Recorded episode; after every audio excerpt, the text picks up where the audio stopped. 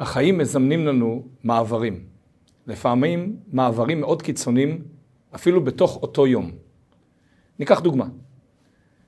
אדם עובד בחברת הייטק, מנהל בכיר.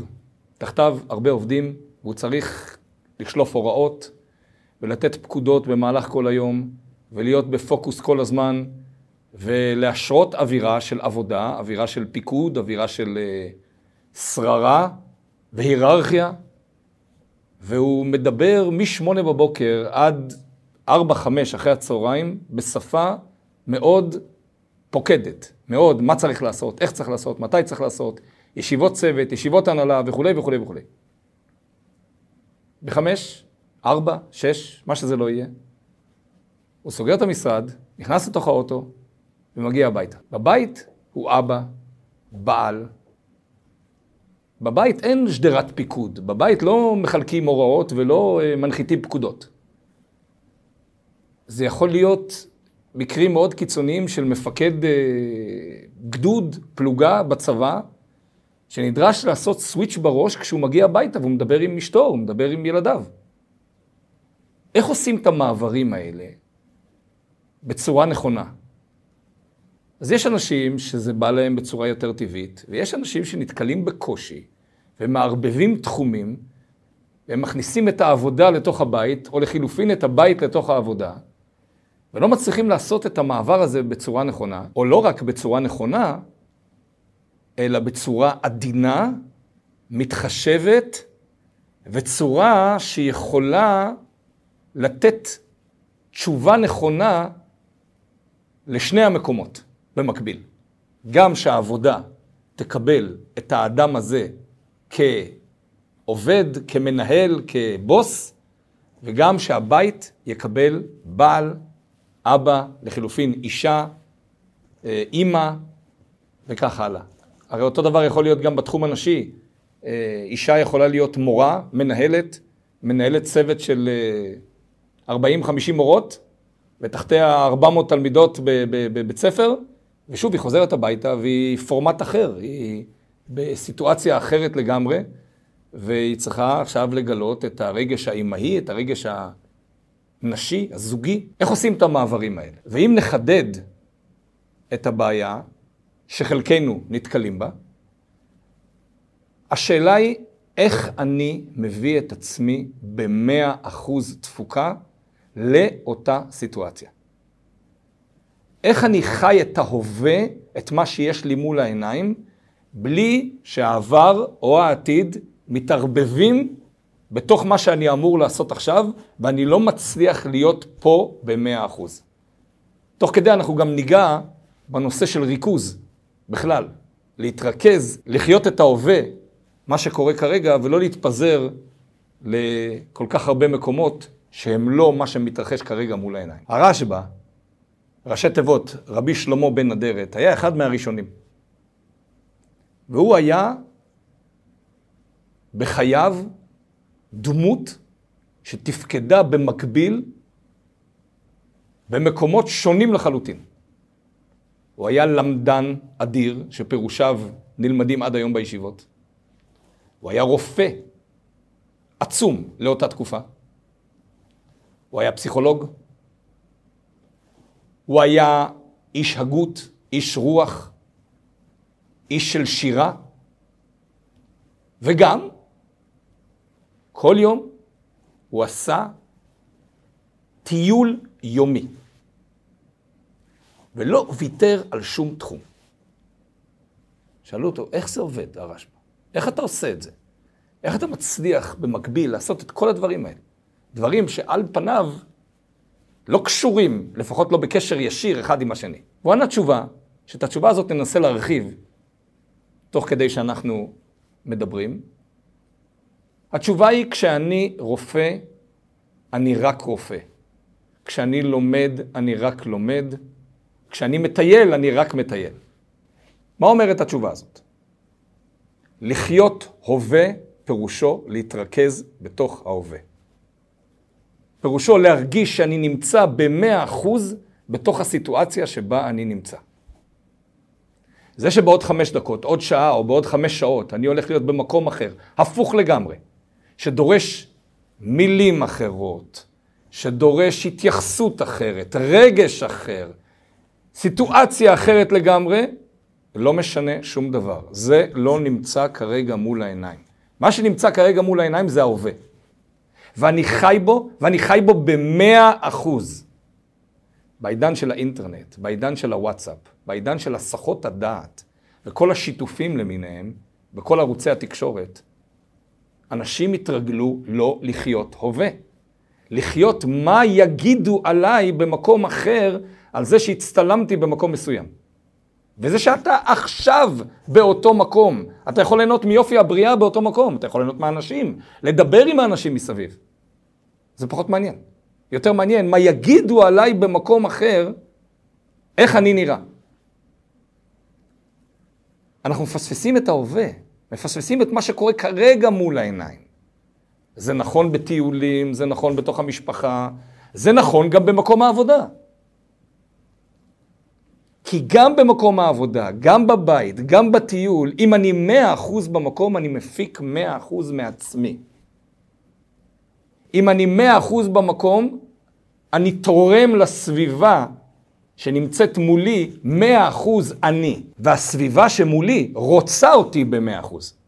בבית היא רוצה אבא במאה אחוז, בעל במאה אחוז. לא בעל ב-70 אחוז, 50 אחוז תפוקה. לא בעל שמעורער על מה קורה איתו בעבודה או מה קורה איתו בבילויים. והעבודה צריכה אותי במאה אחוז. העבודה צריכה אותי מפיק מאה אחוז מחיי בתוך העבודה, באותה פוזיציה שבה אני נמצא. ואל תספר לי עכשיו שחמישים אחוז ממך עדיין נמצא בתוך הבית. זה לא עוזר לי.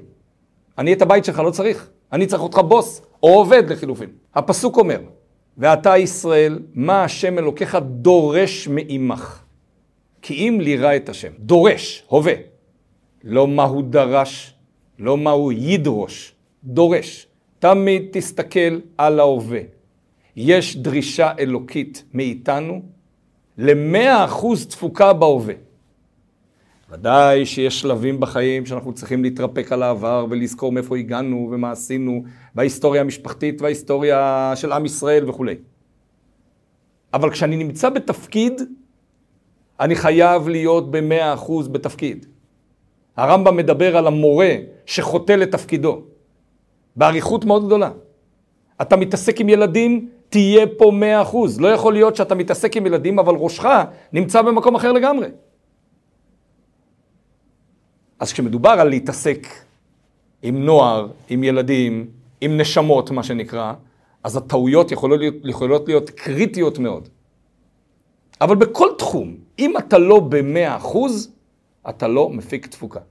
בסופו של דבר, אז בעבודה לא תתקדם, או שיעיפו אותך מהעבודה, ובבית, אז בבית לא יעיפו אותך מהבית, אבל בבית, אם אתה לא במאה אחוז במקום, הבית מפסיד. הבית סובל. אם הראש שלך נמצא כרגע בעולם אחר, בעולם מדומיין, זה לא משנה אם הראש נמצא בוואטסאפ, הראש נמצא בפייסבוק, או שהראש נמצא בעבודה, אבל כרגע אתה לא בבית. אז למעשה הבית חסר אותך, הבית חסר אותך. איך עושים את זה? איך מביאים את עצמנו ל-100% תפוקה באותו מקום שאנחנו נמצאים? דבר ראשון, זוכרים שיש לנו שליחות אלוקית. גם עבודה זה שליחות אלוקית. כי אלוקים אמר, וברכך השם אלוקיך בכל אשר תעשה, יש פסוק בתורה, לך תעשה. מה תעשה? איש ההייטק צריך להיות בהייטק, הטייס צריך להיות טייס, הראש ישיבה צריך להיות ראש ישיבה, והעובד במכולת צריך להיות עובד במכולת. כל אחד בעשייה שלו. לך תעשה ותעשה מאה אחוז תפוקה. אני שלחתי אותך למקום הזה. ואם אני שלחתי אותך, אומר אלוקים, למקום הזה, אני נתתי לך כלים להתמודד עם ההווה כמו שהוא כרגע. אל תתעסק בדברים אחרים. תתרגל, תתרגל את העובדה הזאת שאתה נמצא רק פה במקום. זה ברור שאדם שהיה רגיל להיסח הדעת אדיר, ולא לחיות את ההווה ולחיות בכל מיני מקומות במקביל, ייקח לו זמן לעבור את התהליך הזה. אבל הוא מוכרח להתחיל מקצת, עוד חמש דקות, עוד עשר דקות, עוד עשרים דקות. כמו כל דבר כדי להשתחרר מהרגלים מגונים, צריך לעשות את זה לאט לאט, מעט מעט אגרשנו בלשון הפסוק. וככה אפשר להגיע להישגים. אבל מוכרחים להתחיל באיזשהו שלב, שבו אנחנו מחליטים, מהרגע הזה, איפה שאנחנו נמצאים, אנחנו במאה אחוז במקום הזה. שמים את הסלולרי הצידה, שמים את כל היסח הדעת הצידה. זוכרים שזאת שליחות אלוקית, ואלוקים רוצה שנהיה פה, דורש ממך. רוצה שתהיה נוכח במקום, כמו מעשן סיגריות, כמו אדם שמכור לאלכוהול. ההתחלה היא מאוד קשה. הגוף דורש את שלו, הגוף רוצה לחזור אחורה להרגלים הקודמים. אבל אם אנחנו רוצים באמת לעשות שינוי, אנחנו צריכים להזכיר לעצמנו, ציפור קטנה כזאת בתוך המוח, שכל הזמן מזכירה לעצמנו, לא, זה לא קשור לפה. אז אנחנו לא מכונות של עבודה, ואנחנו גם לא מכונות של בית, ויש גם הפסקות, אבל בגדול, ההימצאות בתוך הבית, לפחות בשעות הערנות של הילדים, צריכה להיות בתפוקה כזאת שאתה מרגיש בסוף היום, הייתי אבא של הילדים. ראיתי אותם, דיברתי איתם. הייתי בעל, נתתי, עשיתי, דיברתי במושגים של בעל. עשיתי דברים בתוך הבית שקשורים לזוגיות. וכך הלאה. גם אם זה קשה בהתחלה, בסוף מגיעים לתפוקה מקסימלית. שוב, אף פעם אין מאה אחוז, אבל גם הקדוש ברוך הוא לא רוצה משהו שאנחנו לא יכולים. כדברי הגמרא, לפום גמלה שיכנה, לפי כובד הגמל, כך המסע שמעמיסים עליו. ואם אלוקים יודע שיש לנו בסופו של דבר מגבלות של ריכוז, אז הוא לא דורש משהו של מלאכים, אבל הוא כן דורש מאיתנו להיות אנחנו. רבי זושה מהניפולי, הצדיק הידוע, אמר פעם אמירה כזאת, כשאני אעלה לשמיים, לא יגידו לי למה לא היית אברהם אבינו. יגידו לי בסך הכל, למה לא היית זושה? את עצמך אתה כן יכול להיות. מאה אחוז תפוקה של מה שאתה יכול לעשות. אתה כן יכול להביא? תביא את זה. השיעור הזה הוא גם uh, בתקופה מאוד uh, מעברית כזאת, בלוח השנה היהודי. תשעה באב, וכמה ימים אחרי זה, ט"ו באב. שנייה אחת, המקום העצוב ביותר, המקום המאוהר ביותר על חורבן בית המקדש, בית ראשון, בית שני, אבלות, בכי, יגון. ושישה ימים אחרי, לא היו ימים טובים לישראל כט"ו באב וכיום הכיפורים. ט"ו באב, חג של שמחה, חג של הרחבת הדעת. איך עושים את המעבר הזה? איך בתוך כמה ימים משנים פאזה בצורה כזאת, שאתה עובר מהמקום העצוב ביותר למקום השמח ביותר. עכשיו, אנחנו לא מדברים על uh, דברים חיצוניים. אם אדם עובר מחתונה רועשת ושמחה, שבה הוא רקד על השולחנות, לבית אבלים, או למקום עם שירי יגון, אז, uh, אז הוא יעשה את האיזון הזה איכשהו באופן אוטומטי. אבל זה לא אמיתי, כי זה בגלל המוזיקה שנמצאת במקום, או בגלל האווירה החיצונית שנמצאת במקום השני. אנחנו מדברים על דבר פנימי. אנחנו גם לא מדברים על אה, שינויים דרך צריכת אה, אלכוהול או סמים, שזה שוב לא אני. אדם יכול להיות שמח מאוד מאלכוהול, אבל הוא לא שמח, האלכוהול שמח. האלכוהול מדבר, האלכוהול שר, ולא הוא. וכך הלאה בכל החומרים החיצוניים. אנחנו מדברים על דבר פנימי, על מעבר אמיתי, בתוך שישה ימים, מעבר מיגון כל כך גדול לשמחה כל כך גדולה. ובעצם לא עלינו ולא עליכם, כל מי שישב שבעה מתמודד עם אותה שאלה. איך בסוף השבעה חוזרים לחיים תקינים? איך בסוף השבעה חוזרים לעבודה, חוזרים לבית, חוזרים לתפקד? גם אם לא במאה אחוז, אבל גם חמישים אחוז זה דבר מאוד קשה. אז איך? התשובה היא אותה תשובה. כשאדם נמצא במקום שהקדוש ברוך הוא רוצה שהוא יתאבל במקום הזה, אם זה תשעה באב או חס ושלום דבר פרטי, אז כרגע כל הפוקוס הוא על מה שאלוקים רוצה ממני כרגע. וממילא אני מצליח להפיק 100% בתוך אותה סיטואציה. חז"ל הגדירו את זה מאוד מדויק. שלושה ימים ראשונים בשבעה לבכי. אחר כך עד סוף השבעה להספד. אחר כך עד השלושים לגיוץ ולכיבוס וכולי. למה ההגדרות האלה? למה בתוך השבעה אפילו יש הגדרות של מה יותר חמור ומה יותר קל, מתי צריך לבכות, מתי כבר צריך להתעורר מהבכי ולהתחיל להתכוונן למקום אחר? כי כך אלוקים רוצה, שכל יומא ויומא אביד אבידתי, או בתרגום לעברית, כל יום ויומו תפעל את מה שצריך לפעול במקום הזה. ואתה יכול, אתה יכול לעבור. וההדרגתיות היא מאוד חשובה, כי בסוף השבעה אתה נדרש לחזור לחיים איפשהו.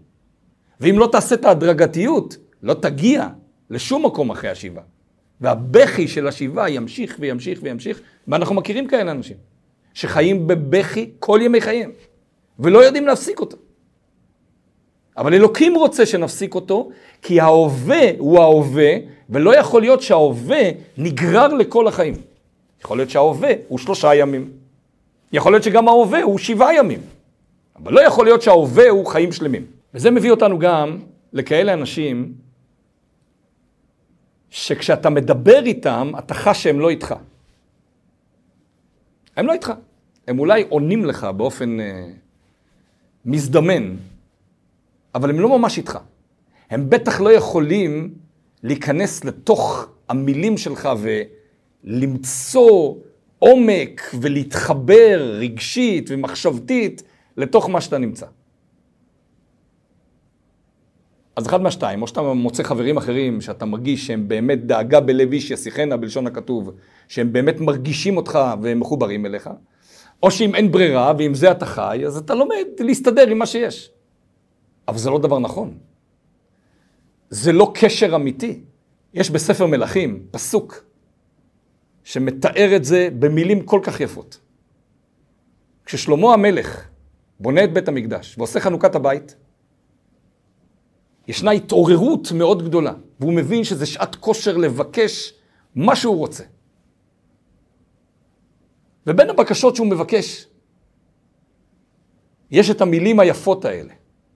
ונתת לעבדך לב שומע. ממתי לב שומע? האוזניים שומעות. אוזניים שומעות זה לא חידוש. יכול לשמוע הכל. נכנס מצד אחד, יוצא בצד שני. בחיים שלנו אנחנו שומעים מיליון קולות שלא נוגעים לנו. שמעתם פעם את המנוע נוסע כשאתם נוסעים ברכב?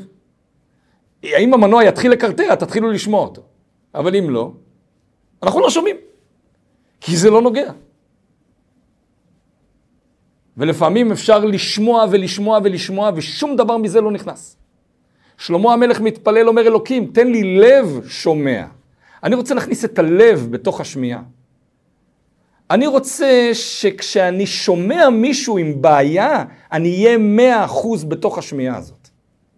אני גם רוצה שכשאני אומר בעיה שלי ואני מסיח את הלב, אני רוצה שמולי יישב אדם שהוא מאה אחוז איתי, לא רוצה חמישים אחוז, אני גם לא מחפש פתרונות, לא בהכרח, אבל אני קודם כל רוצה שישמעו אותי. ושוב, אנחנו חיים בדור שהוא כל כך משובש בדבר הזה, שאנשים התרגלו את הכל לעשות כל כך מהר, זה לא נכון. יש לנו היום כלים וכלים אלקטרוניים ואלחוטיים להגיע מהר ממקום למקום, לעשות הכל בצ'יק צ'אק, ומה? ולא להיות בשום מקום במאה אחוז. אז אוקיי, לא נחזור לסוס והעגלה ולאנשים ששומעים אותך כי באמת אין להם שום דבר אחר לעשות ואין להם מסך הדת כי באמת שום דבר לא קורה. לא. אנחנו רוצים להתקדם עם הקדמה ולהגיע לכל המקומות תוך כמה דקות ואנחנו רוצים מזגן בחדר ואנחנו רוצים אה, מטוסים ואוניות וכולי.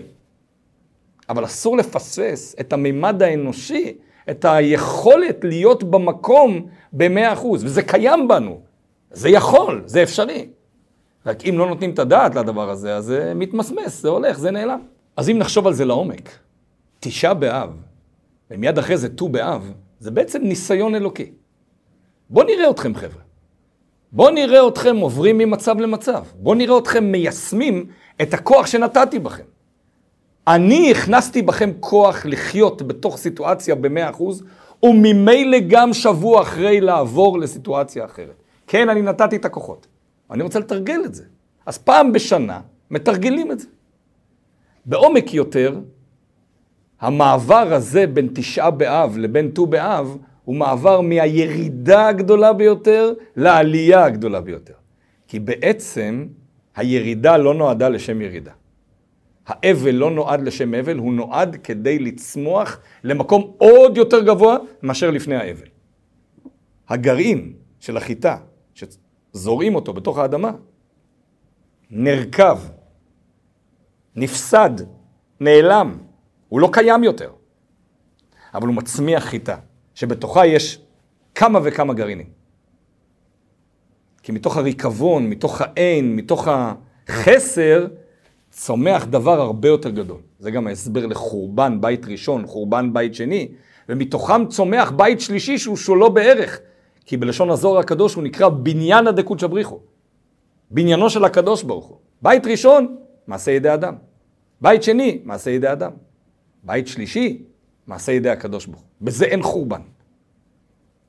והיה צריך חורבן של ראשון ושני כדי להביא אותנו למקום נמוך, כדי שאחר כך נצמח למקום הרבה יותר גבוה.